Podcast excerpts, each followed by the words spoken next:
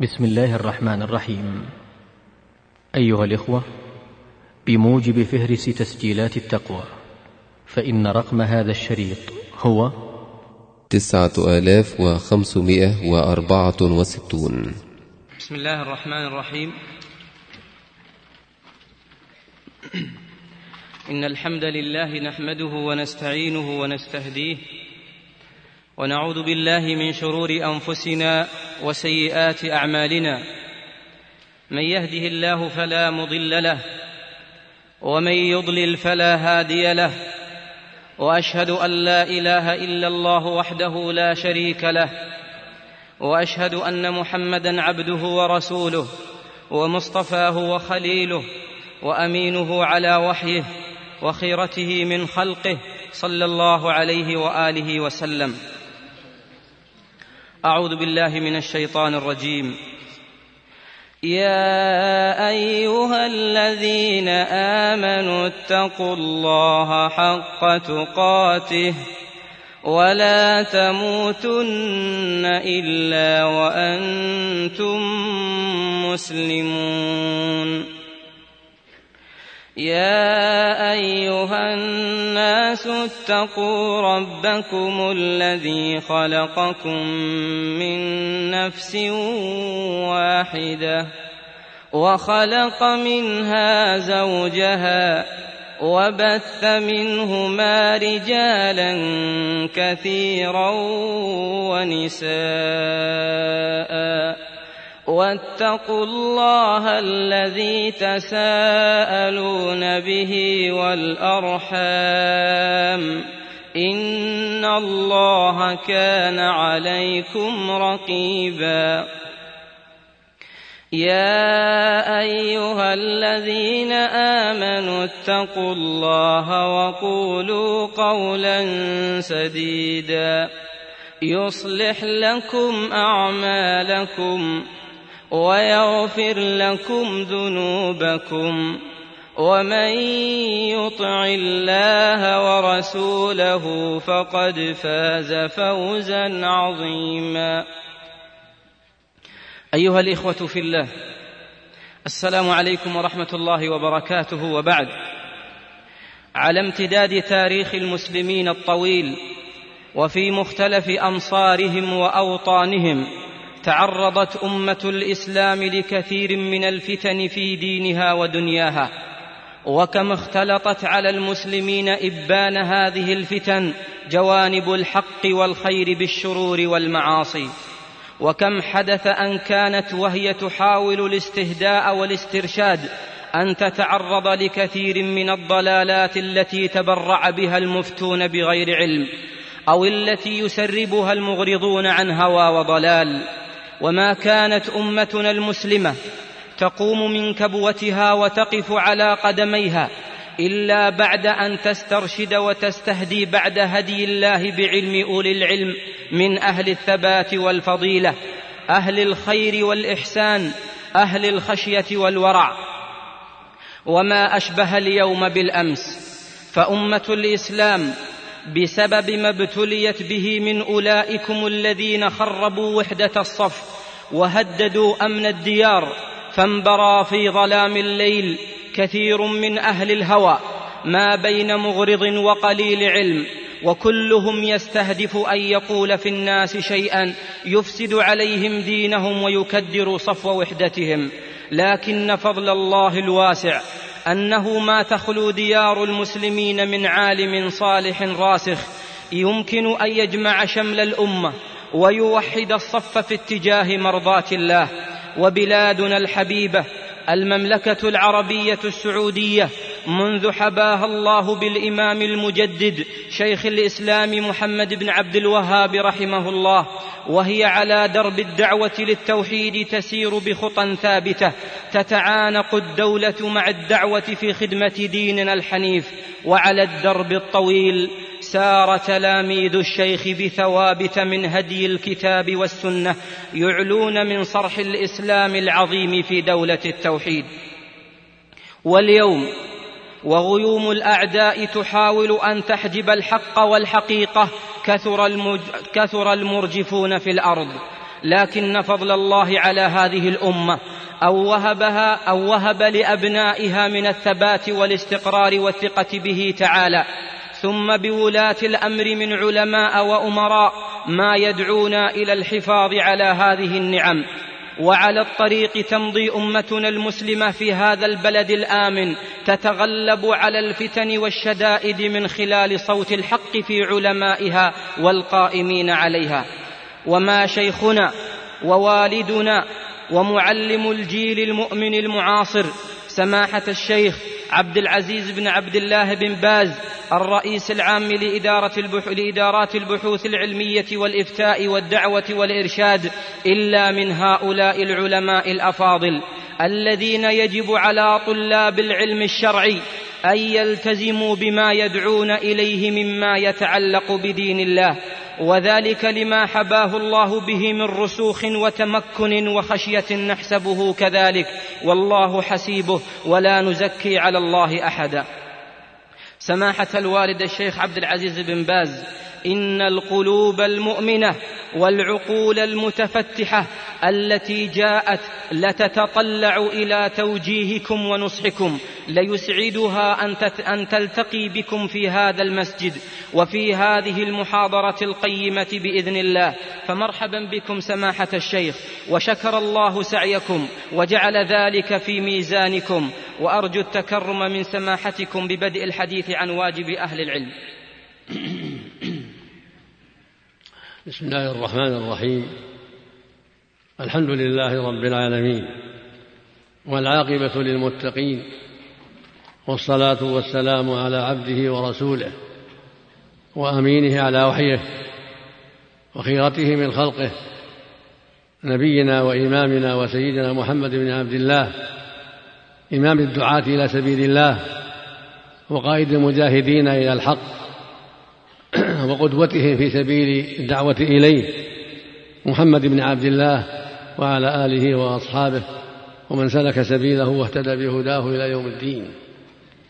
أما بعد فإني أشكر الله عز وجل على ما من به من هذا اللقاء بإخوة في الله للتواصي بالحق والتناصح والتعاون على البر والتقوى.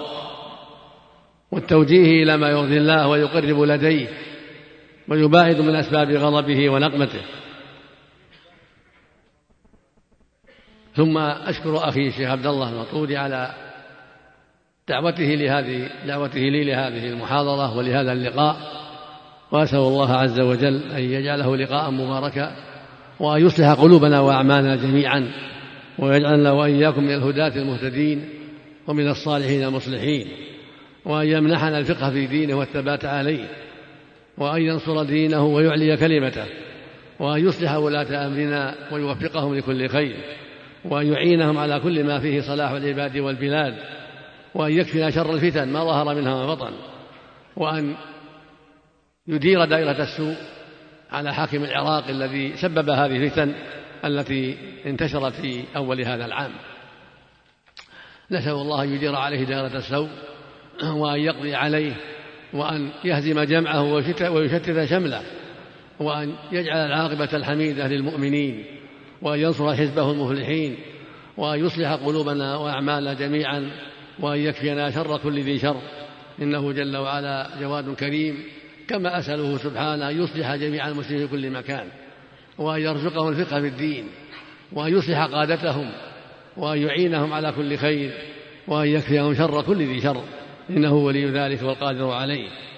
أيها الإخوة في الله إن واجب العلماء عظيم وكذلك واجب العامة عظيم. العلماء عليهم واجبهم والعامة عليهم واجبهم. أما العلماء فهم القادة وهم ورثة الرسل عليهم الصلاة والسلام وهم دعاة الهدى وأنصار الحق. فالواجب عليهم عظيم. والمسؤولية كبيرة. والعلماء بالله ودينه هم الرسل عليهم الصلاة والسلام والأنبياء ثم أتباعهم من أهل العلم والإيمان. فالعلماء عند الإطلاق على رأسهم الأنبياء والرسل. ويخلفهم في الهدى والدعوة إليه علماء الحق. قال الله جل وعلا في كتابه العظيم قل هل يستوي الذين يعلمون والذين لا يعلمون؟ إنما يتذكر أولو الألباب. ويقول سبحانه أفمن يعلم أن من أن ما أنزل من ربك الحق كمن هو أعمى؟ إنما يتذكر أولو الألباب. ويقول جل وعلا إنما يخشى الله من عباده العلماء. فالعلماء هم العلماء بالله والعلماء بدينه وبما شرعه لعباده وعلى رأسهم الرسل والأنبياء عليهم الصلاة والسلام. هم رأس العلماء وقدوتهم وأئمتهم. ثم يلي ذلك علماء الحق العلماء بشرع الله العلماء بدينه وبما جاءت به رسله. هم خلفاء الرسل وهم ورثتهم. والرسل إنما خلفوا العلم فمن أخذه أخذ بحظ وافر فعلى خلفاء الرسل أن ينصروا دين الله وأن يعلموا الناس ما أوجب الله عليهم. وأن يحذروهم مما حرم الله عليهم وأن يخشوه سبحانه خشية توجب عليهم أداء الواجب أينما كان. فعلى العلماء أن يبينوا وعلى العامة أن يمتثلوا ويستقيموا على الحق. فالخشية عامة لكل مسلم كل مسلم يخشى الله جل وعلا ولكن الخشية الكاملة للرسل وأتباعه. من العلم والإيمان. إنما يخشى الله يعني الخشية الكاملة العلماء. هم الذين يخشون الله الخشية الكاملة. وعلى رأسهم الرسل والأنبياء عليهم الصلاة والسلام. ثم أتباعهم من العلماء العاملين على قدر علمهم وما وهبهم الله من البصيرة. وعلى حسب علم العبد وبصيرته تكون خشيته لله ويكون قيامه بحقه سبحانه وتعالى. فعلى أهل العلم أن يبصروا الناس ويشرحوا لهم ما يجب عليهم ويرشدوهم إلى أسباب السعادة ويحذروهم من أسباب الهلاك. هذا هو واجبهم أينما كانوا وذلك عام لأولي الأمر ولعامة الناس على العلماء أن يبينوا لأمراء المسلمين ولقادة المسلمين وأئمة المسلمين ما يجب عليهم. وعليهم أن يبينوا للعامة ما يجب عليهم وعلى كل من الصنفين أن يتقي الله وأن يراقب الله فيما يأتيه ويذر على ضوء العلم الذي علمه من كتاب الله وسنة رسوله عليه الصلاة والسلام. والله جل وعلا إنما خلق الخلق ليعبدوه وأرسل الرسل لذلك. قال تعالى وما خلقت الجن والإنس إلا ليعبدون. قال تعالى يا أيها الناس اعبدوا ربكم. قال سبحانه ولقد بعثنا في كل أمة رسولا أن يعبدوا الله واجتنبوا الطاغوت. فالخلق خلقوا ليعبدوا الله الجن والإنس جميعا خلقوا ليعبدوا الله. وأرسل الله الرسل إليهم ليوضحوا لهم هذه العبادة التي خلقوا لها. فالعبادة التي خلقوا لها هم في أشد الضرورة إلى أن يعرفوها بأدلتها من كلام الله وكلام رسوله عليه الصلاة والسلام. كل أمة هكذا. كل أمة بعث الله إليه رسولا يجب عليهم أن يعرفوا العبادة التي خلقوا لها وبعث بها الرسول إليهم. حتى يؤدوها كما أمر الله. وحتى يقفوا عند حدودها. من عهد آدم عليه الصلاة والسلام إلى يومنا هذا ونبينا صلى الله عليه وسلم هو أكمل الرسل وأفضلهم وخاتمهم عليه الصلاة والسلام. فعلى العلماء أن يبينوا للناس ما جاء بهذا الرسول الكريم عليه الصلاة والسلام. من من كتاب ربهم القرآن ومن كلام رسوله صلى الله عليه وسلم وهو الوحي الثاني. الله جل وعلا أعطى نبيه وحيين القرآن العظيم والسنة المطهرة. كما في الحديث الصحيح يقول صلى الله عليه وسلم إني أوتيت القرآن ومثله معه. والله يقول والنجم إذا هوى ما ضل صاحبكم وما غوى وما ينطق عن الهوى. إن هو إلا وحي يوحى. علمه شديد القوى شديد القوى جبرائيل. علمه نبينا علمه نبينا عليه الصلاة والسلام. وهكذا الرسل من أولهم إلى آخرهم. جعلهم الله هداة للحق كما قال تعالى وجعلناهم أئمة يهدون بأمرنا وقال عن بني إسرائيل وجعلنا منهم أئمة يهدون بأمرنا لما صبروا وكانوا بآياتنا يوقنون. فالرسل عليهم الصلاة والسلام والأنبياء وعلماء الحق هم الهداة إلى الحق بسبب صبرهم وإيقانهم. فكلما عظم يقين العالم وصبره صارت دعوته أكمل وهكذا الرسل وهم الأصل.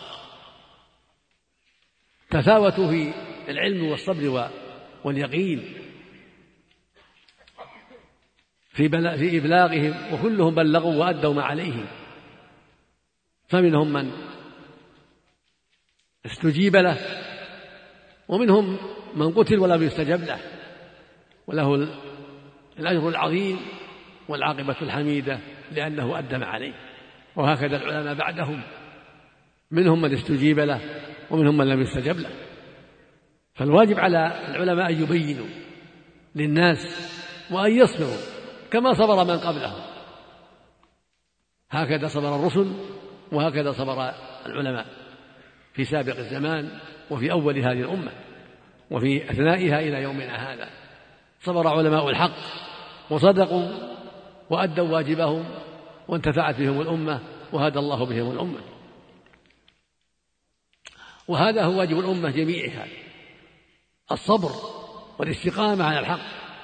قال تعالى كنتم خير أمة أخرجت الناس تأمرون بالمعروف وتنهون عن المنكر وتؤمنون بالله. كل على قدره كل واحد على قدره العالم على قدره وطالب العلم على قدره وعامة المسلمين على قدرهم فيما أعطاهم الله من العلم والبصيرة. عليهم واجبهم في الدعوة والأمر بالمعروف والنهي عن المنكر كل بحسب علمه وقدرته. وقال جل وعلا والمؤمنون والمؤمنات بعضهم أولياء بعض. يأمرون بالمعروف وينهون عن المنكر ويقيمون الصلاة ويؤتون الزكاة ويطيعون الله ورسوله. هذا يشمل أهل العلم والإيمان جميعا. يشمل العلماء ويشمل المؤمنين عامة. هذا واجبهم جميعا. أنهم أولياء فيما بينهم.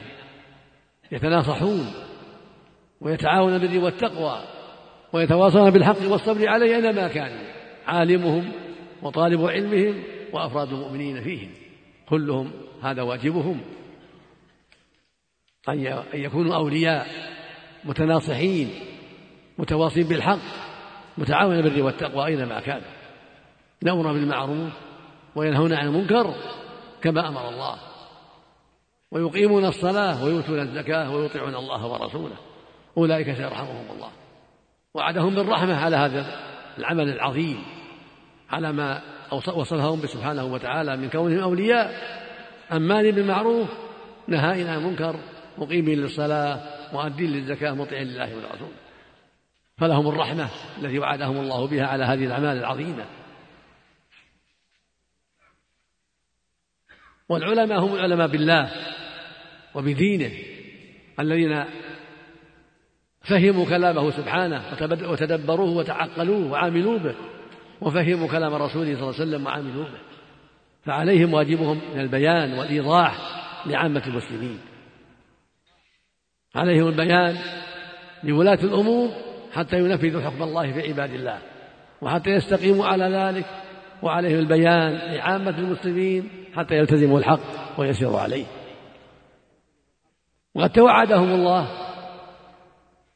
إذا كتبوا ولم يبينوا. وأخذ عليهم الميثاق بذلك. قال جل وعلا, جل وعلا وإذا أخذ الله ميثاق الكتاب لتبينوا للناس ولا تكتمونه فأخذ على أهل الكتاب هذا الميثاق وهو مأخوذ على هذه الأمة ولهذا تلي عليهم في كتاب الله ليعلموا أنهم مسؤولون كما سئل من قبلهم. مضى القوم كما قال بعض السلف مضى القوم ولم يعنى به سواكم فعلى أهل العلم أن يبينوا ويوضحوا ما قاله الله ورسوله في بيان الحق الذي يجب الأخذ به وفي بيان الباطل الذي يجب تركه.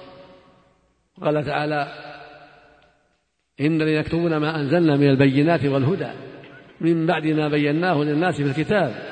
أولئك يلعنهم الله ويلعنهم اللاعنون. إلا الذين تابوا وأصلحوا وبينوا فأولئك أتوب عليهم وأنا التواب الرحيم. فلا يسلم من هذا الوعيد العظيم إلا الذين أصلحوا وبينوا. تابوا من الكتمان وأصلحوا وبينوا. بينوا للناس ما يجب عليهم وما يحرم عليهم حتى يسير الناس إلى الله على بصيرة وحتى يعبدوه كما أمرهم. وما خلقت الجن والإنس إلا ليعبدون. يعبدونه بما أمر وبترك ما نهى سبحانه وتعالى. وعلى رأس ذلك توحيده والإخلاص له. هذا هو أعظم الواجبات وأهمها. إخلاص العبادة لله وحده وترك عبادة ما سواه. هذا هو أصل الدين وأساس الملة. وقد دعا إليه النبي صلى الله عليه وسلم أول ما بعثه الله. دعا إلى توحيد الله. وقال يا قوم قولوا لا إله إلا الله تفلحوا وحذرهم من الشرك. وبين لهم حقيقته. وهو ما كانوا عليه من التعلق بالأصنام والأوثان وعبادتها من دون الله بالدعاء والخوف والرجاء والذبح والنذر. من صنم نحتوه ومن شجرة عبدوها من دون الله ومن ميت عبدوه من دون الله. أو شمس أو قمر أو نجم أو غير ذلك. فأوضحت الرسل أنه يجب على الأمم أن يعبدوا الله وحده وأن يوجهوا قلوبهم إليه سبحانه وتعالى وأن يستقيموا على توحيده وطاعته. أينما كان؟ وأن يحذروا الناس من عبادة غيره من صنم أو شجر أو حجر أو قبر أو نجم أو ملك أو رسول أو جني أو غير ذلك. العبادة حق الله وحده. وجاءت الرسل جميعا بهذا الأمر.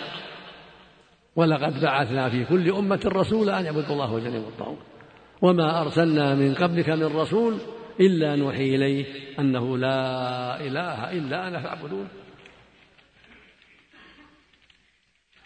ومكث النبي صلى الله عليه وسلم في هذا الأمر بضعة بضعة سنة في ثلاثة عشر سنة في مكة المكرمة.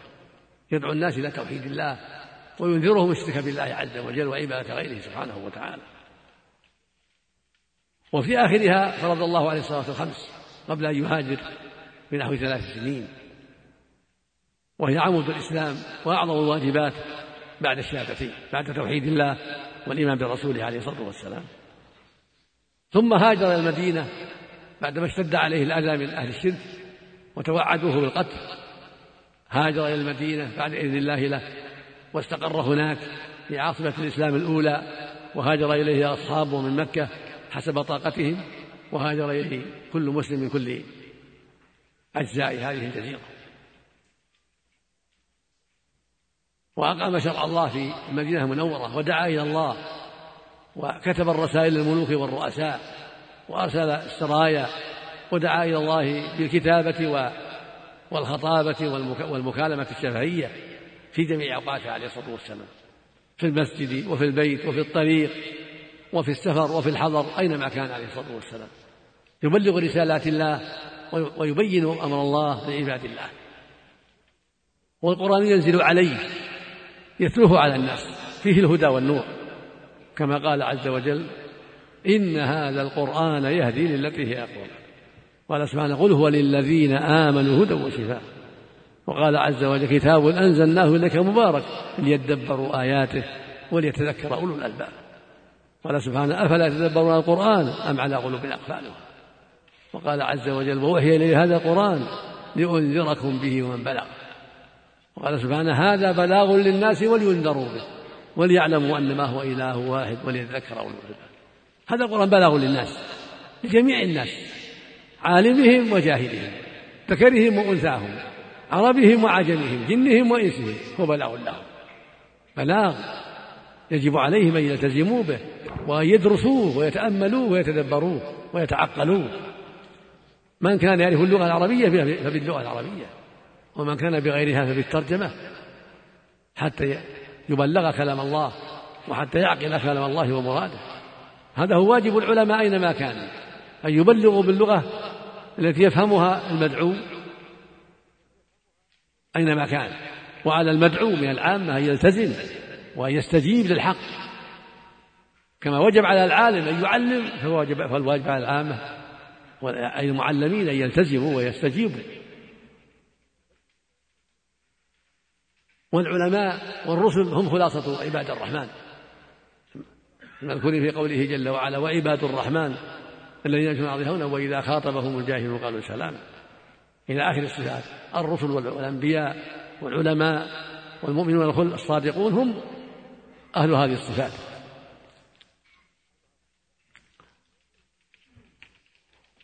ويقول النبي عليه الصلاة والسلام في هذا الباب من سلك طريقا يلتمس فيه علما سهل الله له به طريق الجنة. ويقول عليه الصلاة والسلام من يريد الله به خيرا يفقهه في الدين.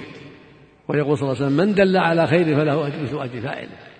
فعلى الرسل يبلغ على العلماء يبلغوا هذا الأمر ويدل الناس ويرشدوهم ومن علامات السعادة ومن علامات الخير أن يقبل العبد المدلول الخير ويلتزم به. من دل على خير فله أجر فاعله. من يريد الله به خيرا يفقهه في الدين. فمن علامات أن الله أراد بك خيرا وسعادة أن تقبل الهدى وأن تستجيب للدعوة. فتتفقه في دين الله وتلتزم بأمر الله ترجو ثواب الله وتخشى عقابه. ويقول صلى الله عليه وسلم من سلك طريقا يلتمس فيه علما سهل الله له به طريق الجنة. فالعلماء عليهم أن يبينوا وأنت عليك أن تسلك طريق لطلب العلم.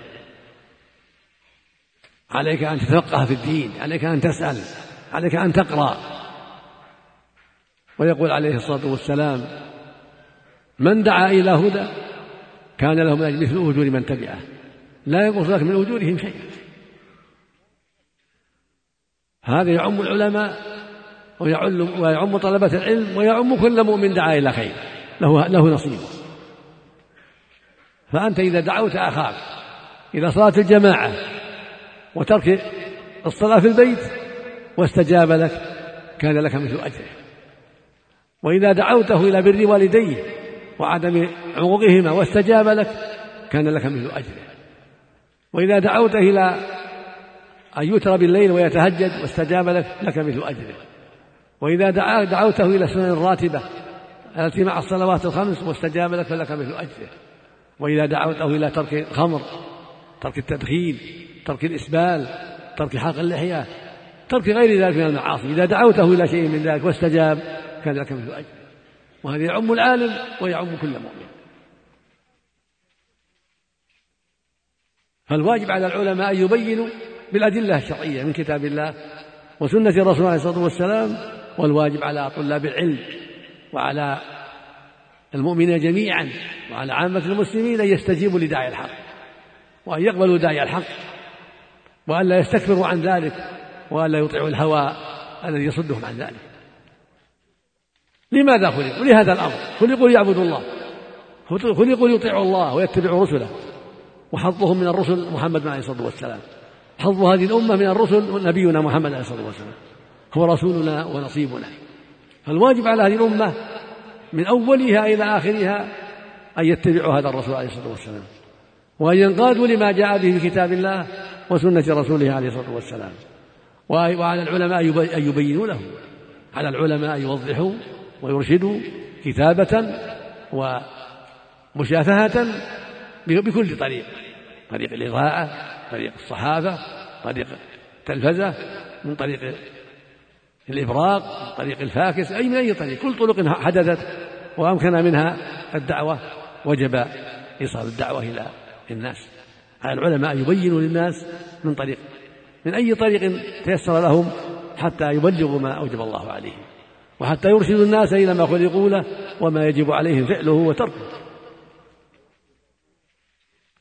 ولا سبيل إلى الاستقامة على دين الله والعلم بما شرع الله والوقوف عند حدود الله إلا من طريق الدعوة والتوجيه والتعليم. يقول عليه الصلاة والسلام خيركم من تعلم القرآن وعلمه. خيار الناس من تعلم القرآن وعلم القرآن. هم خيار هم خيار الناس. أن يعلمون ويتعلمون. والقرآن هو أصل كل خير هو أصل السعادة هو أصل العلم. والسنة تبينه وتشرح ما قد يخفى منه. فعلى العالم أن يبين للناس حسب طاقته في ليله ونهاره بحلم وصبر وإيضاح وباللغة التي يفهمونها. وعليه أن يتحمل ما يلحقه من الأذى في ذلك وعلى المعلمين والموجهين أن يتقبلوا ويقبلوا الحق بدليله وأن يسألوا عما أشكل عليهم. يقول سبحانه فاسألوا أهل الذكر إن كنتم لا تعلمون. ويروى عنه عليه السلام أن قوما أفتوا بغير علم فقال عليه الصلاة والسلام ألا سألوا إذ لم يعلموا؟ إنما شفاء العي السؤال. ويقول عليه الصلاة والسلام في الحديث الصحيح أيحب أحدكم يخاطب جماعة من الصحابة؟ أن يذهب إلى بطحان وادي في المدينة فيأتي بناقتين سمينتين في غير إثم ولا قطيعة رحم. قالوا قالوا كنا نحب ذلك يا رسول الله. قال لأن يغدو أحدكم إلى المسجد فيعلم آيتين من كتاب الله خير له من ناقتين سمينتين عظيمتين. وثلاث خير من ثلاث وأربع خير من أربع ومن أعدادهن من الإبل أو كما قال عليه الصلاة والسلام. هذا يبين لنا عظم منزلة طلب العلم وأنه في القمة من المقامات الدينية لأنه الوسيلة إلى معرفة ما أوجب الله وما حرم الله. والله جل وعلا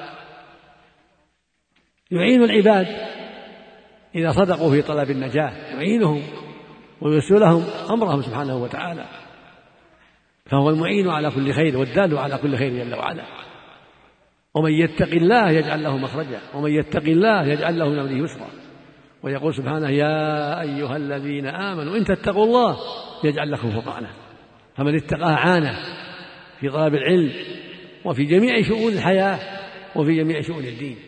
من اتقى الله عانه الله على قدر تقواه واستعانته بربه وصدقه في اخلاصه لله فمن صدق في طلب العلم أعانه الله ويسر أمره وفقهه في الدين. ومن صدق في طلب الحلال أعانه الله على تيسير الحلال. ومن صدق في البعد عما حرم الله أعانه الله على ترك ما حرم الله. ومن صدق في طلب أداء ما وجب الله أعانه الله على ذلك. ومن صدق في طلب العلم أعانه الله ورزقه الفرقان. إن تتقوا الله يجعل لكم فرقانا يعني نورا وهدى. يعرف به الحق من الباطل والهدى من الضلال. فعلينا جميعا أن نصدق مع الله وأن نستقيم على دينه وأن نتفقه فيه وأن نقصد وجه ربنا بما نتعلم وبما نتفقه فيه. نريد وجهه والدار الآخرة. نريد, نريد النجاة والسعادة.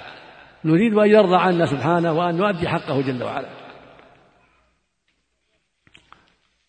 وبذلك يوفق العبد ويهدى إلى طريق النجاة. فما أخذ الله على العلماء أن يعلموا حتى أخذ على العامة يتعلموا.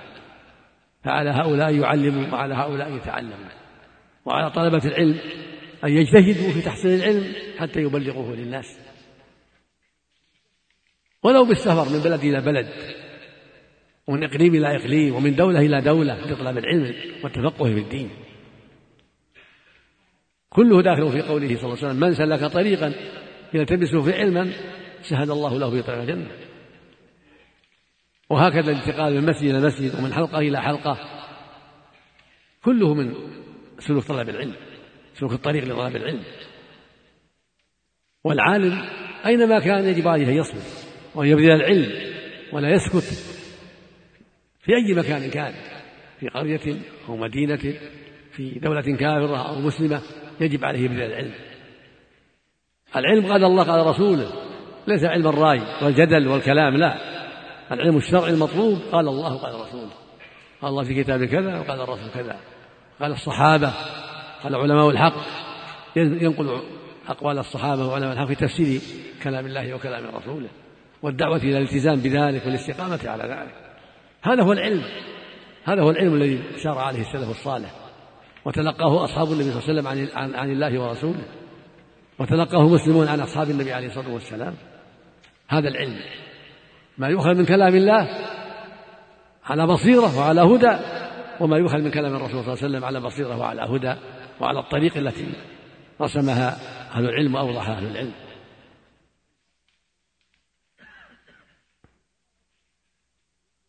ولا بد من وقت للمؤمن لحاجته وطلبه الرزق. هذا أمر معلوم لكن يكون لهذا وقت ولهذا وقت. يكون لأهله وطلب الرزق وطلب المعيشة وقت ولطلب العلم والتماس العلم الوقت الآخر الذي يتيسر فيه طلب العلم. فلا يصده هذا عن هذا ولا هذا عن هذا. لا يشغله طلب العلم عن طلب الرزق وطلب الحلال والقيام بحق الأهل والأولاد. ولا يشغله حق الأهل والأولاد وطلب الرزق عن طلب العلم والتفقه في الدين. فكما جمع الرسل بين هذا وهذا فهكذا العلماء وهكذا طلبة العلم وهكذا عامة المسلمين. يجب أن لا يشغلهم هذا عن هذا ولا هذا عن هذا. بل لهذا وقت ولهذا وقت. حتى تحصل للمؤمن البصيرة والهداية وحتى يعبد ربه على بينة وعلى بصيرة وحتى يدع ما حرم الله عليه على بصيرة. وأنتم في زمان غلب فيه الجهل وقل فيه العلم وانتشرت فيه الشرور والفساد. وجاء دعاة يلبسون للناس جلود الضأن من اللين ويتلبسون بالنفاق وهم دعاة الضلالة والإثم والفساد من المنافقين. وجاءت أقوام أخرى ألحدوا في دين الله وأظهروا كفرهم وضلالهم وعداءهم الإسلام. فلا بد من الحذر من هؤلاء وهؤلاء. هؤلاء المعلنين الحذر منهم أيسر. ولكن المنافقون والمتظاهر بالإسلام وهم أعداءه هم الخطر العظيم. هم الخطر العظيم فيجب الحذر. ويجب أن يوزن كلام الناس بما قاله الله ورسوله. فما يدعو إليه الناس ويقولون إنه دين يجب أن يوزن بما قاله الله ورسوله. ويجب أن يعرض على علماء الحق حتى يميزوا زيفه من صحيحه وحتى يوضحوا حقه من باطله وأن لا يغتر بكل داعية وبكل ناعق ولا سيما في هذا العصر بعد حدوث هذه الفتنة التي أحدثها الحاكم العراق عامله الله بما يستحق. ولا يخفى على الكثير ما جرى في عهد عثمان رضي الله عنه لما تكلم الحاقدون على الإسلام من المجوس وغيرهم وتكلم الجاهلون معهم ولبس على بعض الناس فظن أن قيامهم صادق. فتجمع من ذلك إشاعات خبيثة عن عثمان رضي الله عنه وهو الخليفة الراشد. وتكاثر دعاة الباطل والحاقدون على الإسلام ومن لبس عليهم الأمر وجهل الحقيقة وظن أن بعض الناس صادق في دعوته حتى جرى ما جرى في عهد عثمان. فقتل ظلما وعدوانا على يد جهال ظلمة فيهم الحاقد وفيهم الجاهل وفيهم من لبس عليه. ثم نتج عن ذلك الفتنة العظيمة بين أهل الشام والعراق بين علي ومعاوية وجرى فيها من المقتلة العظيمة في صفين والجمل ما هو معلوم. كله بأسباب الجاهلين والحاقدين على الإسلام ودعاة الضلالة المشيع للفساد.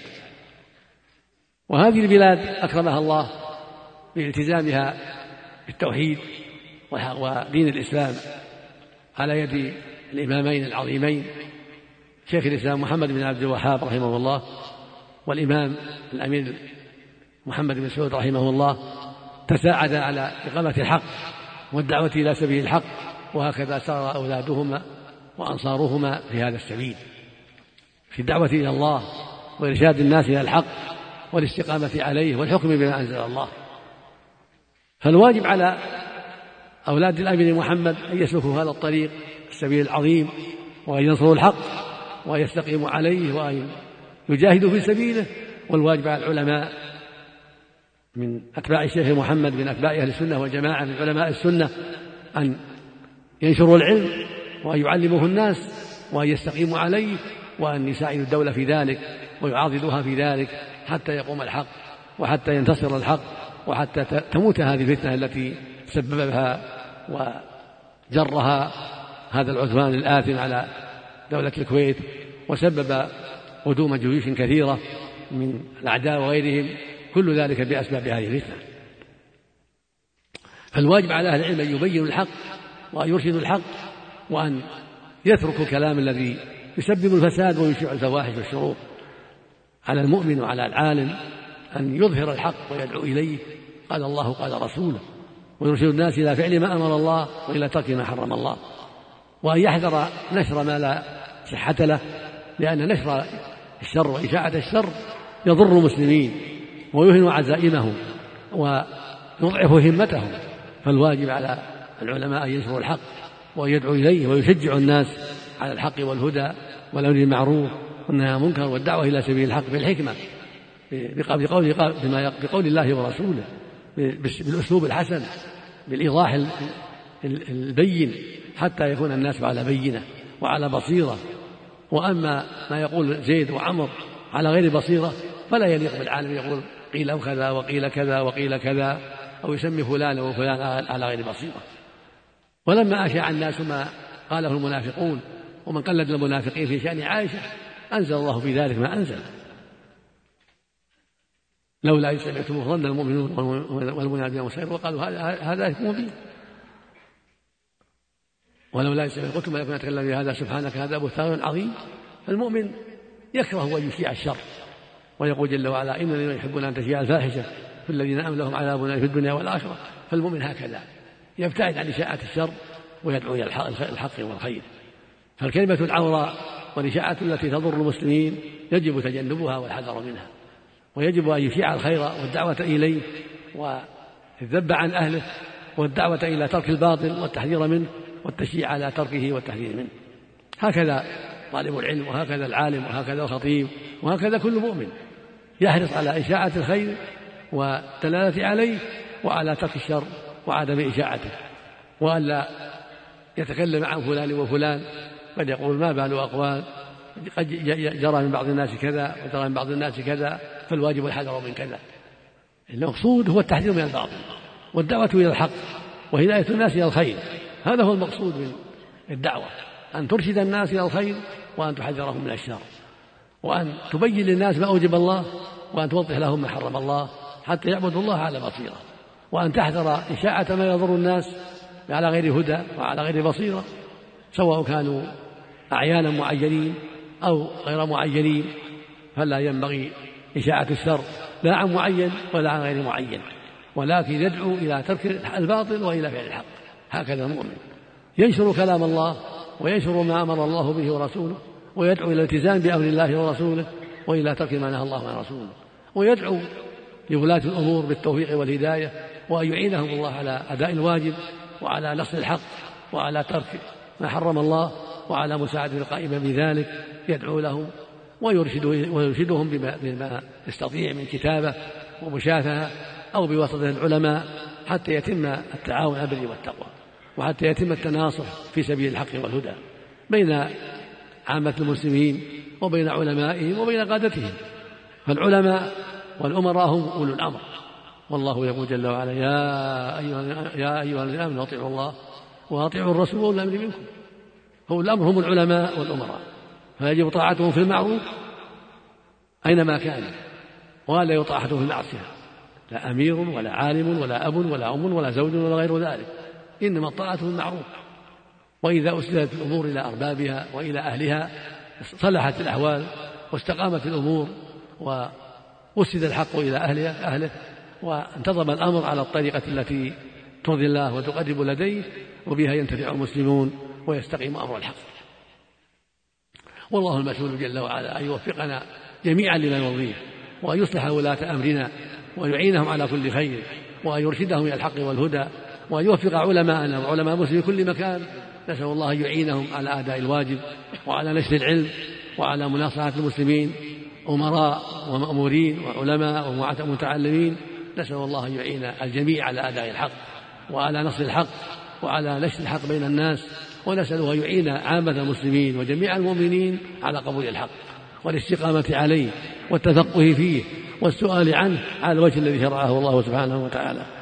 كما نسأله سبحانه أن يطفئ هذه الفتنة التي بين بها وأن يزيل آثارها وأن يجعلها عظة للمسلمين جميعا وأن يوفق المسلمين للاتعاظ بها والاستفادة منها في نصر الحق والتفقه في الدين والقضاء على الشر وأسبابه وأن يرد أعداءنا إلى بلادهم ويكفينا شرهم وأن يقضي على حاكم العراق ويشتت شمله ويهزم جمعه ويولي على العراق من هو خير منه ممن يعينهم على طاعة الله ويلزمهم بأمر الله وأن يرد المظلوم إلى بلادهم وأن يهديهم سواء السبيل وأن يعينهم على كل خير ويصلح أحوالهم ويجعل حالهم الأخيرة خيرا من حالهم الأولى وأن يعينهم على كل خير ويشتت شمل الظالمين ويكفينا شرهم جميعا.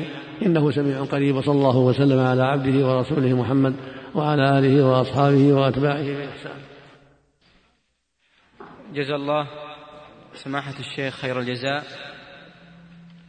ونسأل الله سبحانه وتعالى أن يجعلنا وإياكم ممن استمع القول فاتبع أحسنه. سماحة الشيخ الأسئلة كثيرة كثيرة كثيرة جدا. و نعم نعذر أو نرجو المعذرة أيها الإخوة لمن آه، أرسل رسالة أو سؤال وذلك لضيق الوقت. ومن ثم نأخذ كما قال سماحته الأهم فالأهم. السؤال الأول يقول ما هو دور المرأة المسلمة في هذه الظروف؟ المسلمة عليها دورها. مثل ما قال الله جل وعلا والمؤمنون والمؤمنات بعضهم أولياء بعض. يأمرون بالمعروف وينهون عن المنكر. عليها دورها في التعليم والطب والتمريض. وغير ذلك. فالمعلمة عليها دورها في إرشاد الطلبة وتوجيه الطالبات إرشاد الطالبات وتوجيههن إلى الخير والعلم وتوصيلهن بما يجب عليهن والتلميذة عليها مع زميلاتها يتعلمن ويتفقهن وأن يقبلن على العلم وأن يتعاونن على البر والتقوى وعلى المرأة أيضا أن ترشد بناتها وأخواتها إلى الحق وتعينها تعينهن عليه من إخلاص العبادة لله ومن أداء الصلاة في أوقاتها بالخشوع والطمأنينة إلى غير هذا من وجوه الخير. وعليها إن كان طبيبة أن تقوم بالواجب وتؤدي الأمانة في طبها وأن تبتعد عما يضرها من الخلطة بالرجال والتكشف وعدم الحجاب. وعلى الممرضة كذلك أن تلتزم بالتمريض فيما يتعلق بالنساء وأن تتقي الله في أداء الأمانة وأن تكون ملتزمة بالحجاب إذا عرض لها مرور بالرجال أو اتصال بالرجال أن تكون على غاية من الحشمة والاستقامة والبعد عن أسباب الفتنة. وهكذا المديرة والعميدة عليها واجبها بالعناية بالمدرسين والطالب بالمدرسات والطالبات وإرشادهن إلى ما قد يخفى عليهن من أمور الدين وإعانتهن على الخير ومنعهن مما يضر الطالبات أو يسبب شر على المجتمع. هذا واجب الجميع. كالرجل. نعم. السؤال الثاني يقول ما حكم الدعاء على طاغية العراق؟ مثل ما سمعت دعا عليه مثل ما دعا النبي صلى الله عليه وسلم على من أحدث حدثا. لعنهم ودعا عليهم بإهل والأكوان وغيرهم ودعا على رؤساء من رؤساء قريش حتى هداهم الله وأسلموا. فمن أحدث على الناس شرا يدعى عليه بقدر مظلمته يدعى عليه بالهلاك والدمار ويرد الله كيده في نحره وإن كان عاصيا دعي عليه دعي له بالهداية ويقيم عليه الحد مع القدرة. فيدعى على كل بقدر حاله. فالكافر والظالم له حاله والعاصي من المسلمين يدعى عليه بما يستحق إذا استمر في طغيانه ولم يمتنع ولم يتيسر إقامة الحد عليه. ولكن المتعدون على المسلمين لهم شأن آخر من جنس صدام وأشباهه فيدعى عليهم بالهلاك والدمار. وأن الله يهزم جمعهم ويشتت شملهم ويعين المسلمين عليهم كما دعا النبي على رئل وذكوان وعصية وعلى قريش إلى غير ذلك. نعم. سماحة الشيخ كثر في هذا الوقت أما من لا يتعدى على المسلمين يدعى له بالهداية ولو كان كافرا. اللهم اهدهم اللهم ردهم إلى الحق. قيل للنبي صلى الله عليه وسلم إن دوسا أبت أن تسلم قال اللهم اهد دوسا وأت به. فهداهم الله وأسلموا وجاءوا. نعم. كثر في هذا الوقت المرجفون والمضللون. وهذا نعم. نعم. نعم. كثر في هذا الوقت المرجفون والمضللون عن طريق الحق باختلاق أقوال وآراء على بعض العلماء أو الكذب عليهم هنا وهناك والتي في كثير منها زرع وزعزعة الثقة في علمائنا حفظهم الله لإبلاغ هذا الدين. أرجو من سماحتكم إلقاء كلمة لهؤلاء للرجوع إلى الله سبحانه وتعالى وإلى عدم آه، تماسك السبل المؤيدة إلى فرقة الصف وشتات الكلمة. وهذا أشرنا إليه سابقا الواجب على طلبة العلم وعلى العامة أن يحذروا الكلمات الضارة والنقول الفاسدة. فإن الكذابين كثيرون الكذابون كثيرون على العلماء والأمراء جميعا وعلى القادة. فالواجب الحذر من تصديق الكذابين والفتاوى الباطلة يعرضها الفتاوى إذا أشكلت عليه يعرضها على صاحبها ولو من طريق الهاتف ولو من طريق المكاتبة حتى يتيقن هل صدرت منه أم لا. وأنا بنفسي كذب علي ناس كثير كما كذبوا على النبي صلى الله عليه وسلم وكذبوا على الصحابة. فالواجب على المسلم إذا اشتبهت عليه الأمور أن يسأل الذي نسبت عنه الفتوى. أنا أو غيري من أهل العلم يسألهم بالاتصال بهم مشافهة بالمكاتبة بالإبراز بالهاتف حتى يتحقق على هل هو حق أم لا لأن كذابين كثيرون يكذبون على الناس لترويج باطلهم أو ليستبدلوا العلماء وإشانة سمعتهم عند الناس بما يكذب عليهم. وهكذا يكذبون على الأمراء وعلى الدولة فالواجب عدم التسرع إلى تصديقهم. والانتباه إلى أن هناك كذابين يجب الحذر منهم. فكما كذب على النبي صلى الله عليه وسلم آلاف الأحاديث وعلى الصحابة فلا يستنكر يتبع علينا وعلى غيرنا في هذا الزمان. لأن الأعداء كثيرون. الناس هنا الآن منهم عدو ملحد شيوعي لكن يتظاهر بالإسلام نفاقا. ومنهم جاهل له هوى وله قصد فاسد. ومنهم من يعمل لغيره بالأجار بالأجرة يعطى أجرة حتى يكذب وحتى ينقل الكلام الباطل لأجل من استأجره على ذلك. فالحاصل يجب الحذر من ذلك فإن هناك كذابين مستأجرين وهناك كذابون لهم أغراض وهناك جهال لا يعرفون ما يقولون. من من هنا ومن هنا ومن هنا ومن هنا من داخل البلاد وخارجها. فيجب الحذر.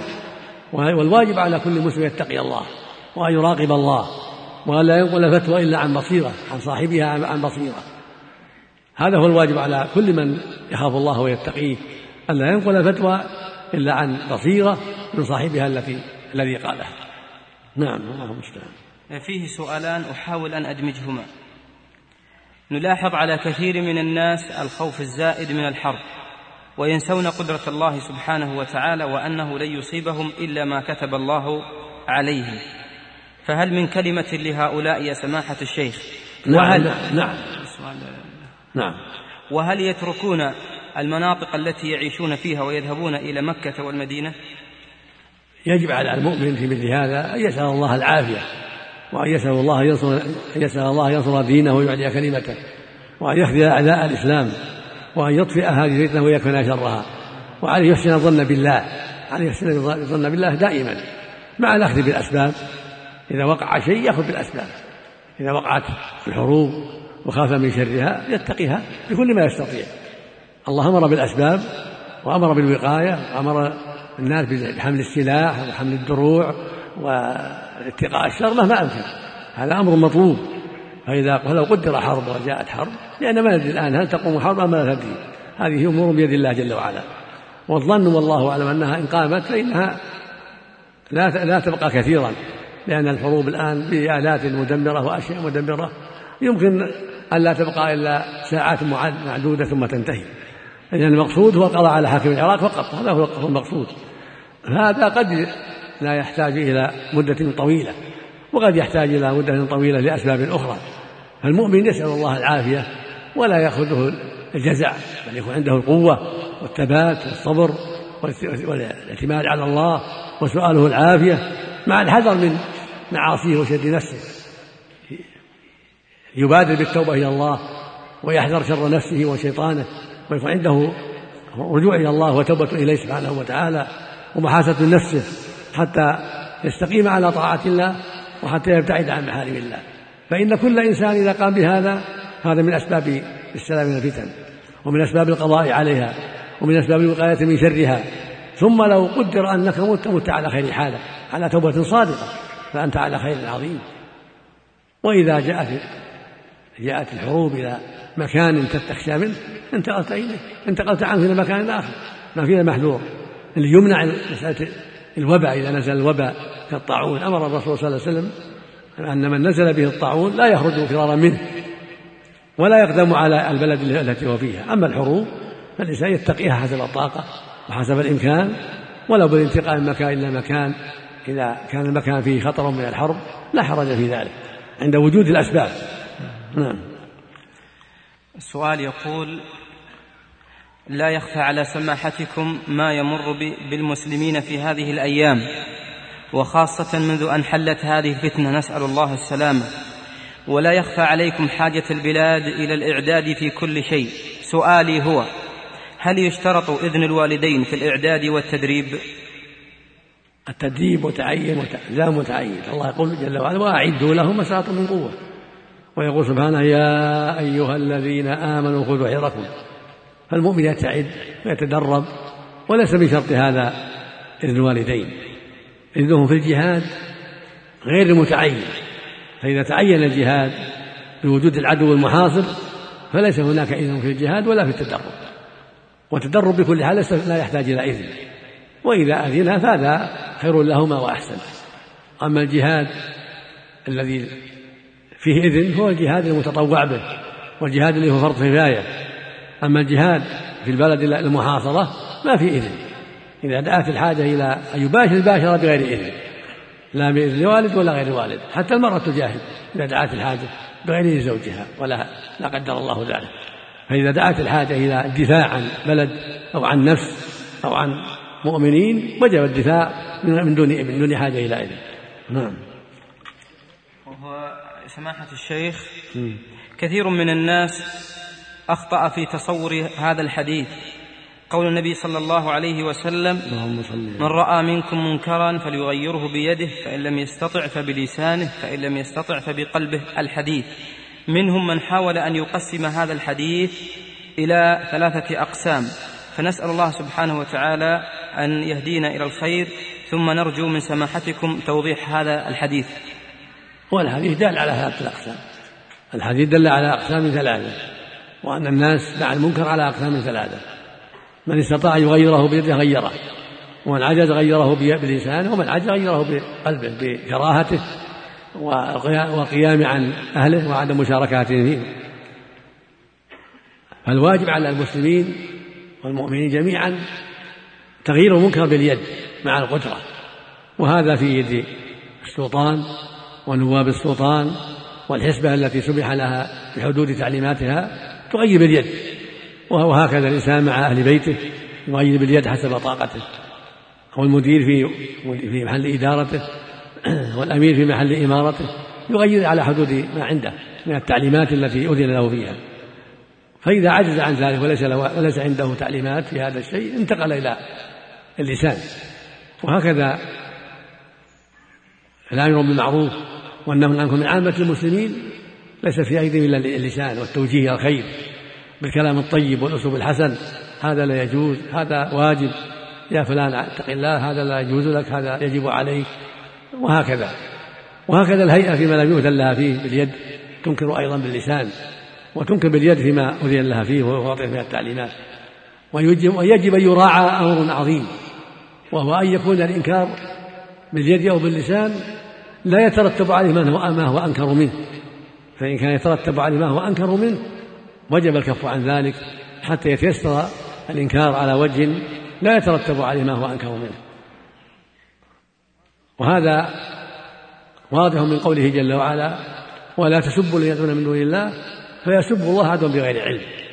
نهاهم أن يسبوا من يدعو غير الله. إذا كان سبهم يترتب عليه سب الله عز وجل. فأنت تريد إنكار منكر وهو سبهم وهم دعوة انكار عليهم الدعوة لغير الله. ولكن يترتب على هذا ما هو انكر من منكرك وهو أنهم يسبون الله فلهذا تترك الكفر وهكذا لو كنت إذا أنكرت على زيد ما يفعله من بعض المعاصي أفضى إلى أن يقوم فيقاتل ويعمل ما هو شر من منكره يترك. ولا ينكر عليه إلا بالطريقة التي لا تضمن منكرا أكبر. وهكذا النبي صلى الله عليه وسلم لما هم بتغيير الكعبة وأن يجعلها على قواعد إبراهيم قال لولا أن قومك حديث عنهم بكفر لنقضت الكعبة وجعلتها على على على قواعد إبراهيم. المقصود أنه ترك ذلك خشية من أن تنكر ذلك قلوب أهل مكة وهم حدث عهدا بالإسلام. فالحاصل أنه لا بد أن يراعى في إنكار المنكر أن لا يفضي إلى ما هو أنكر. نعم. سؤال يقول كثر في الآونة الأخيرة ما يسمى بوكالة يقولون وكذا الإشاعات. ونريد من سماحتكم الحل القاطع لدابر هذه الإشاعات التي تدور في المجتمع وعلاجه. تقدم البحث في هذا وأن الواجب ترك الإشاعات كما أنكر الله على من أشاع. عن عائشة ما ما, ما أشيع عنها. قائد المنافقين ومن قلدهم هكذا تأديب لنا وتعليم لنا ألا نشيع الفاحشة وأن إشاعتها وهن للمؤمنين وشر على المسلمين فالواجب ألا تشاع الفاحشة وألا ينقلها الإنسان فعلت فلان كذا وفعل فلان كذا لا بل إذا علم شيئا عن فلان أو فلان من منكر ظاهر بلغه من يقدر على إزالته بلغه الهيئة بلغه الأمين بلغه المحكمة بلغه العالم الذي يستطيع أن يقوم بذلك. أما إشاعته فلا تجوز لأن إشاعة ذلك من باب الإرجاء في المسلمين وإظهار الشر بينهم وهذا يفرح الأعداء ويضر, ويضر المؤمنين. فلا تجوز إشاعة كل منكر ولكن إذا ثبت عند المؤمن هذا المنكر وأن صاحبه أعلنه أو دعا إليه يرفع بأمره إلى ولاة الأمور الذين يستطيعون أن يغيروه وينكروه. نعم. هذا سؤال لأحد الأخوات. زوجي ملتزم والحمد لله. غير أنه أحيانا لا يصلي صلاة الفجر إلا وقد فاتته الركعة الأولى منها في المسجد. وإذا عاتبته على ذلك يقول من أدرك الركعة فقد أدرك الصلاة. فما صحة ذلك مع أنه يضع أكثر من منبه كي يستيقظ في موعد عمله. عليك الاستمرار في نصيحته جزاك الله خيرا وزادك من الفضل والعلم. وعليه أن يستجيب عليه أن يستجيب وأن يبادر حتى لا تفوته الركعة, الأولى. هو مأمور بأن يدرك الصلاة في الجماعة وعليه أن يبادر إلى ذلك. يقول النبي صلى الله عليه وسلم من سمع النداء فلم يأتي فلا صلاة له إلا من عذر. وهذا وعيد شديد. ولما جاءه رجل أعمى قال يا رسول الله ليس لي قائد يقودني المسجد. فهل لي من رخصة أن أصلي في بيتي؟ قال هل تسمع النداء بالصلاة؟ قال نعم. قال فأجب وهو أعمى ليس له قائد. فكيف بغيره؟ والواجب على زوجه أن يتقي الله وأن يكون اهتمامه بالصلاة أعظم من اهتمامه بالعمل. حق الله أكبر وأعظم. هو الذي هداه هو الذي أعانه على العمل والذي أعطاه القوة على العمل. فالواجب أن يشكر سبحانه وأن يقدم حقه وأن يبادر إلى الصلاة قبل أن تفوته الركعة الأولى. حتى يكون مع المسابقين ومع المسارعين إلى الخيرات وأنت لك أجر عظيم ولك مثل أجره إذا أنت على الخير.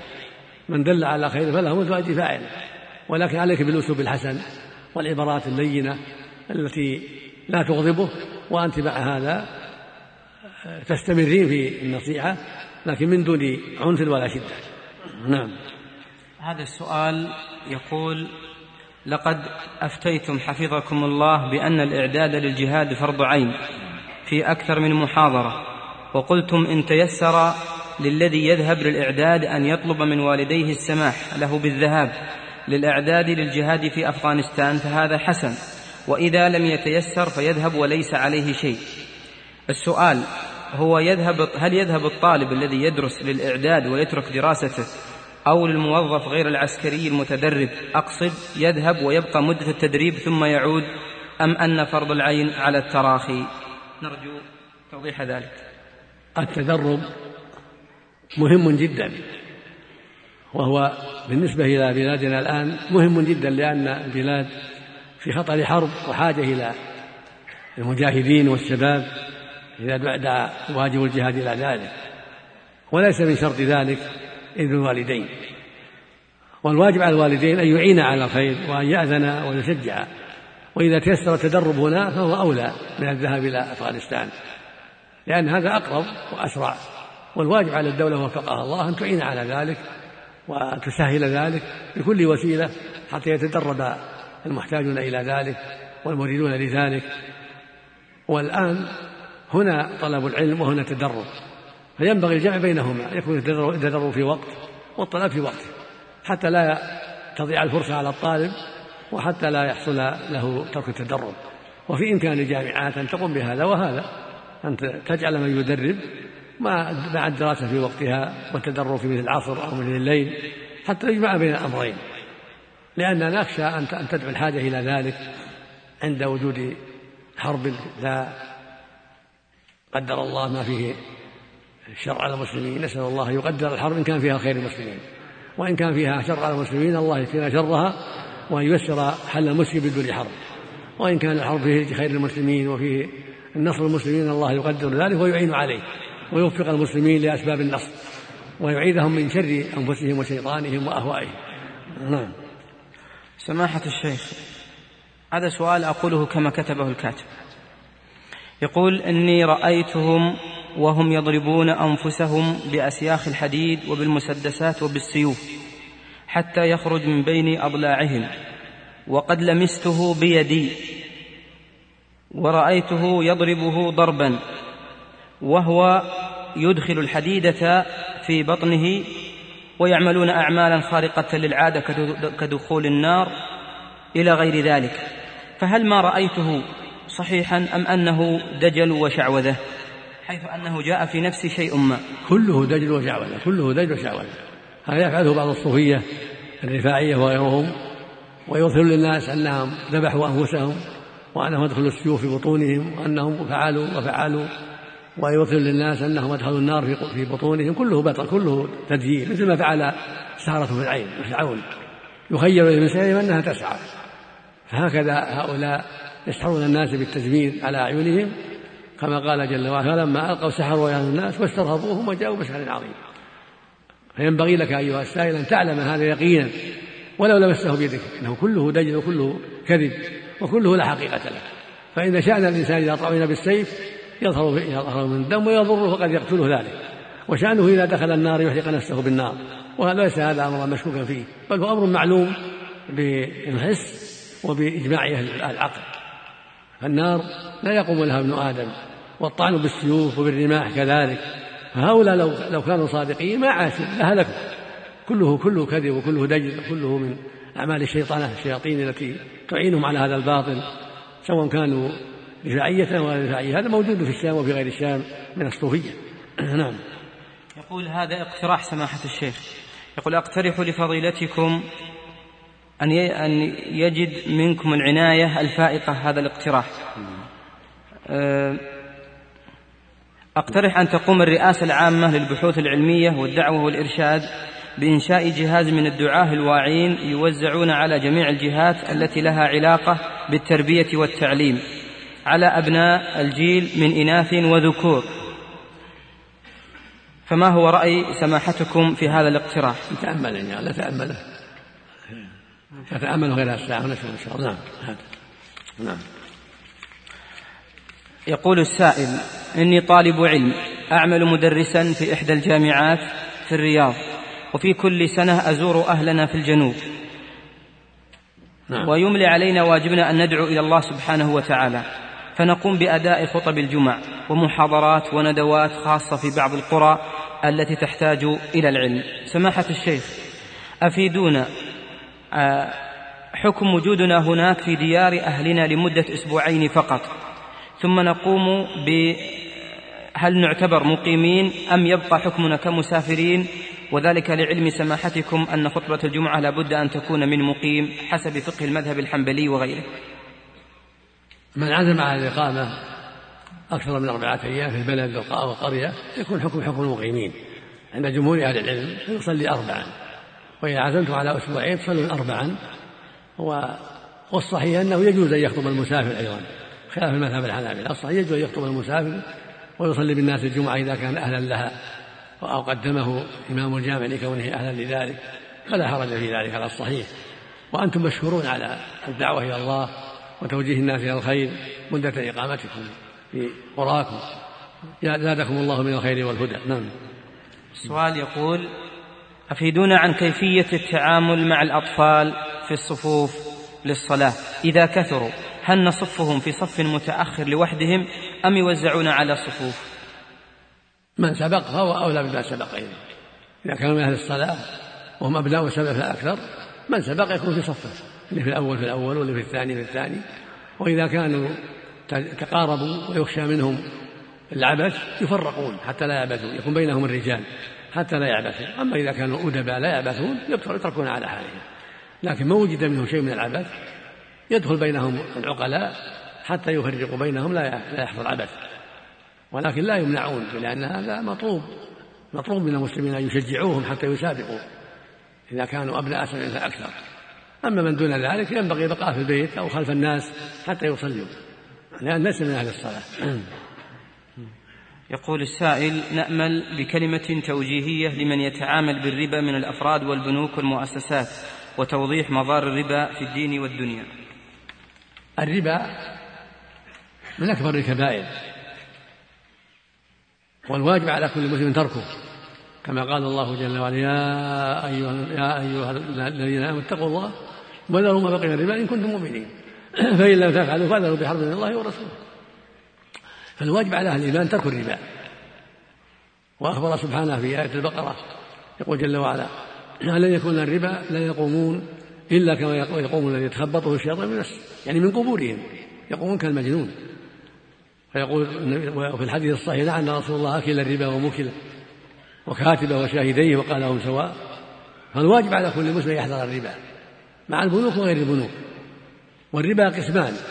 ربا فضل وهو أن يأخذ الذهب بالذهب أكثر أو الفضة بالفضة أكثر.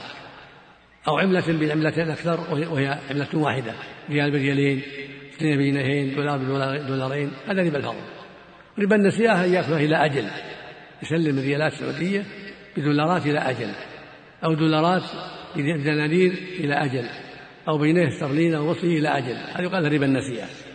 ومن الربا أخذ الفائدة المعينة تعطيه مئة فيعطيك مئة وخمسة. بعد بعد شهر شهرين. هذا ربا فضل ربا نسيئة جميع. تعطيه ألف يعطيك ألف ومئة بعد شهر أو شهرين. اجتمع فيه النوعان ربا الفضل وربا النسيئة جميعا.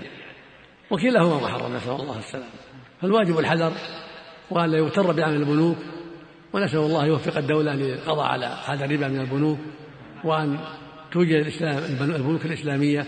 وقد وعدت بذلك ونسأل الله أن يعينها على إنشاء البنوك الإسلامية ومنع هذه البنوك الربوية من الربا حتى يسلم المسلمون من شرها. نسأل الله أن يعينها ويوفقها على إيجاد ذلك. ونسأل الله أن يعين العلماء على متابعة الأمر. نعم.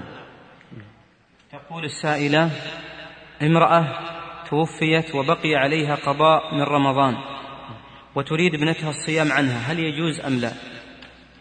إذا كانت ماتت في في مرضها فلا عليها شيء لا يقضى عنها أما إذا شفيت ولكنها تساهلت ولم تقضي فالسنة يقضي عنها أولياؤها بنتها أو أختها أو أخوها أو غيرها.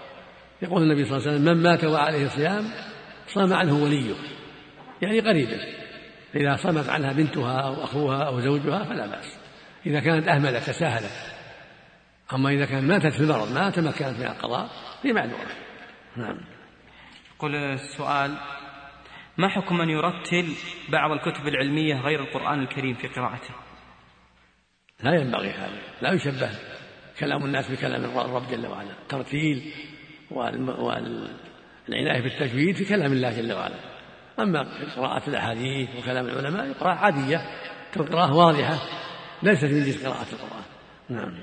سائلة تقول إذا وضعت المرأة الحنة على رأسها وحان وقت الصلاة هل يجوز المسح على الرأس وبه الحنة قبل الغسل؟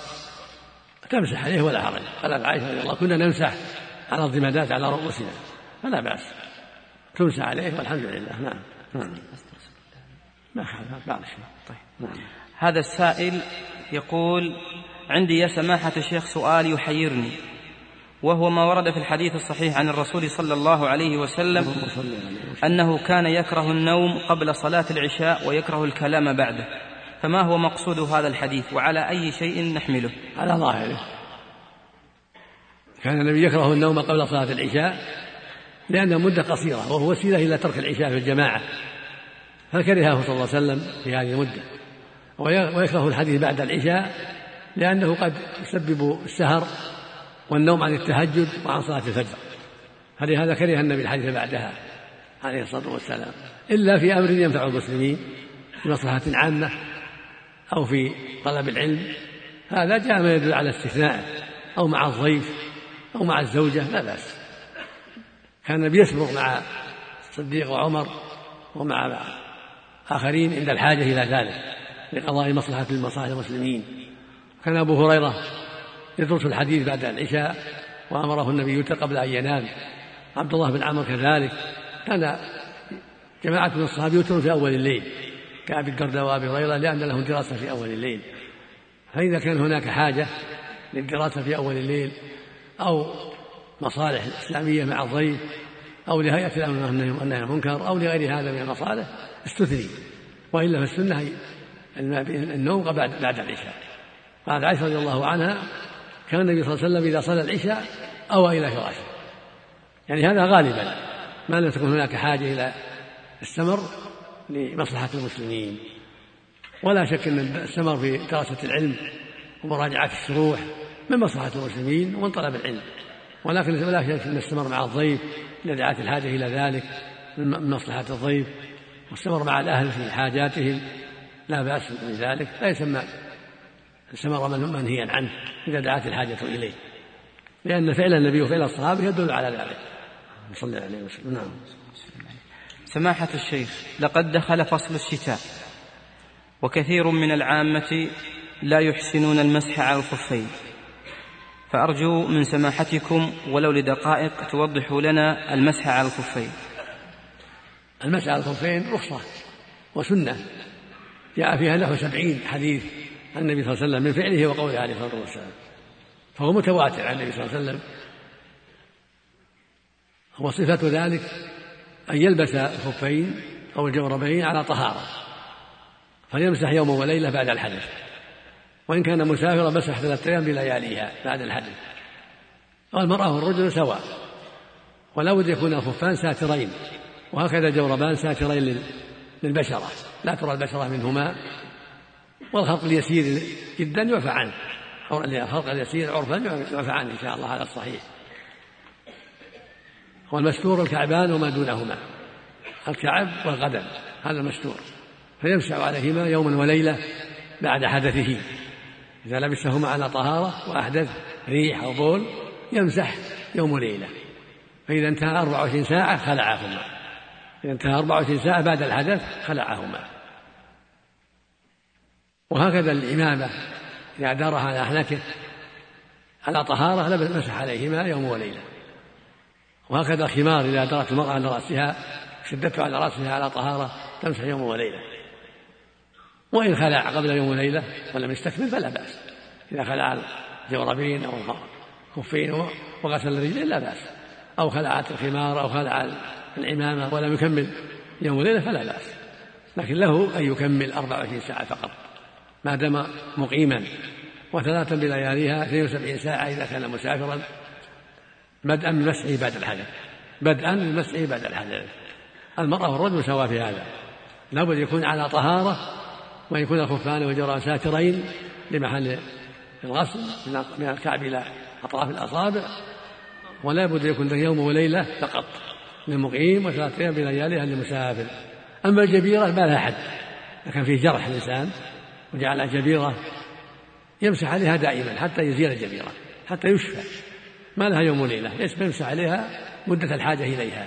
سواء كانت جبيرة في وجهه أو في يده أو في قدمه يمسح عليها. وهكذا في الجنابة يمسح عليها إذا كان في ظهره جبيرة لزقة في ظهره أو جنبه يمسح عليها يمر عليها الماء وتكفي يكفي ولو عن الجنابة الجبيرة حتى في الجنابة. أما الخفان هذا في الوضوء فقط أما الجنابة لا يخلع إذا جاء عليه جنابة يخلع الخفين ويخلع الإمام ويخلع الخيار يغسل بدنه كله. إنما هذا في الوضوء خاصة أما الجبيرة يمسح عليها ولو في الجنابة ولو في الحيض. إذا كان على المرأة جبيرة عن جرح بها أو قرحة بها أو ريح في ظهرها أو أو جنبها تدع اللزقة عليها تغتسل ولو عن الحيض. ويمر الماء على الجبيرة ويكفي على الجبيرة في حال الحيض والنفاس والجنابة. لأن مسحها ضرورة دعت إليها الضرورة والحاجة. فليس مؤقتا إلا بقدر الحاجة. نعم. نعم. كيف؟ دليل أنه جعل مكان القتل ولا يحصل الاتفاق بهما والفائدة منهما إلا بالستر. ما إذا كانت القدمان مكشوفين كأنهما لبسهما ما لبس شيء. نعم. ولو كان خلاف المسلمين هكذا تستر القدمين. والجورب على الصحيح مثل الخف وبعض أهل العلم لا يرى مسح الجورب لكن الصحيح مثل الخف مسح عليه جماعة من الصحابة فهو مثل الخف إذا كان ساترا. هذا قول ضعيف مخالف قول ضعيف نعم. سؤال. نعم. بعض الناس فضيلة الشيخ يطلب العلم على أيدي المشايخ قبل حفظ القرآن الكريم. فما رأيك في هذا العمل؟ لا بأس. وهو من شرط يحفظ القرآن. يطلب العلم حفظ القرآن من طلب العلم. ولو ما حفظ القرآن يطلب العلم ويجتهد في طلب العلم ولو ما حفظ القرآن. وحفظ القرآن من طلب العلم. إذا تيسر حفظ القرآن هذا طيب. ولا ليس بشرط في طلب العلم. طلب العلم التفقه في القرآن ولو نظرا. والتفقه في السنة. وحفظ ما تيسر من الأحاديث وسؤال العلم عما أشكل هذا طريق العلم. نعم. روي أن الرسول صلى الله عليه وسلم رأى الحسن والحسين وهو على المنبر يعثران ويقومان. فنزل وحملهما وصعد المنبر وقال صدق الله إنما أموالكم وأولادكم فتنة.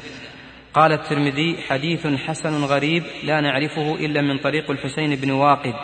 وكذلك رواه ابن خزيمة في صحيحه.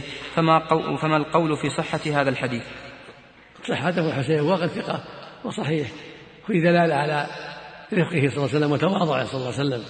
حتى نزل وحملهما هذا من تواضعه صلى الله عليه وسلم. ومن للأولاد. ومعنى الفتنة هي الاختبار وامتحان يختبر الله بالأولاد. هل يرحموهم؟ هل يعطفوا عليهم؟ هل يحسنوا إليهم؟ هل يقدموهم على طاعة الله ورسوله؟ اختبار. فمن الآباء من رحمهم وأحسن إليهم وعلمهم ولم يترك حق الله فيهم ولم يخشى الله فيهم ولم يترك حق الله فيهم ومنهم من آثرهم على حق الله وأرضاهم بسخط الله فهي فتنة. والأموال كذلك. من الناس من قدمها على طاعة الله ورسوله وعصى فيها ربه بالربا والغش ومن الناس من أطاع الله في المال واستقام على إنفاقها في إنفاق الأموال في وجوه الخير فهكذا الأولاد.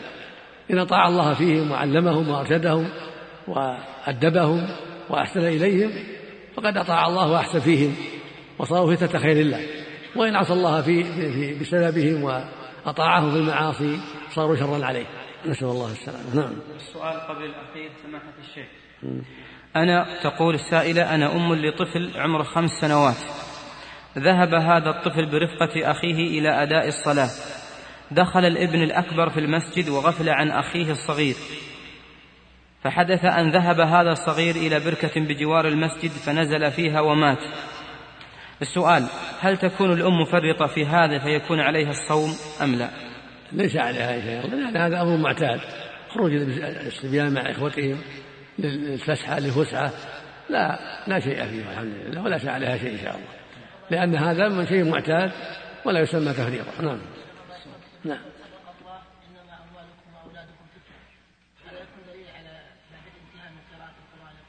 لا مو دليل. هذا مثل ما يقال صدق الله في أمره بكذا وصدق الله في نهي عن كذا. يعني ما كان النبي يقولها اذا فرغ من القراءة. وما كان الصحابة يقولونها مثل ما قال قل صدق الله فتن ملة إبراهيم. معناه التنبيه على أن الآية في محلها وأنهم فتنة. يعني ذكر صدق الله عند المناسبات لا بأس. وهو عند قراءة القرآن كل ما قرأ يقرأها. لا هذا ما عليه دليل. اعتاده الناس بلا دليل. تركه هو الذي ينبغي. نعم. يقول السائل إني أحبك في الله ونحن معه جميعا نقول ذلك.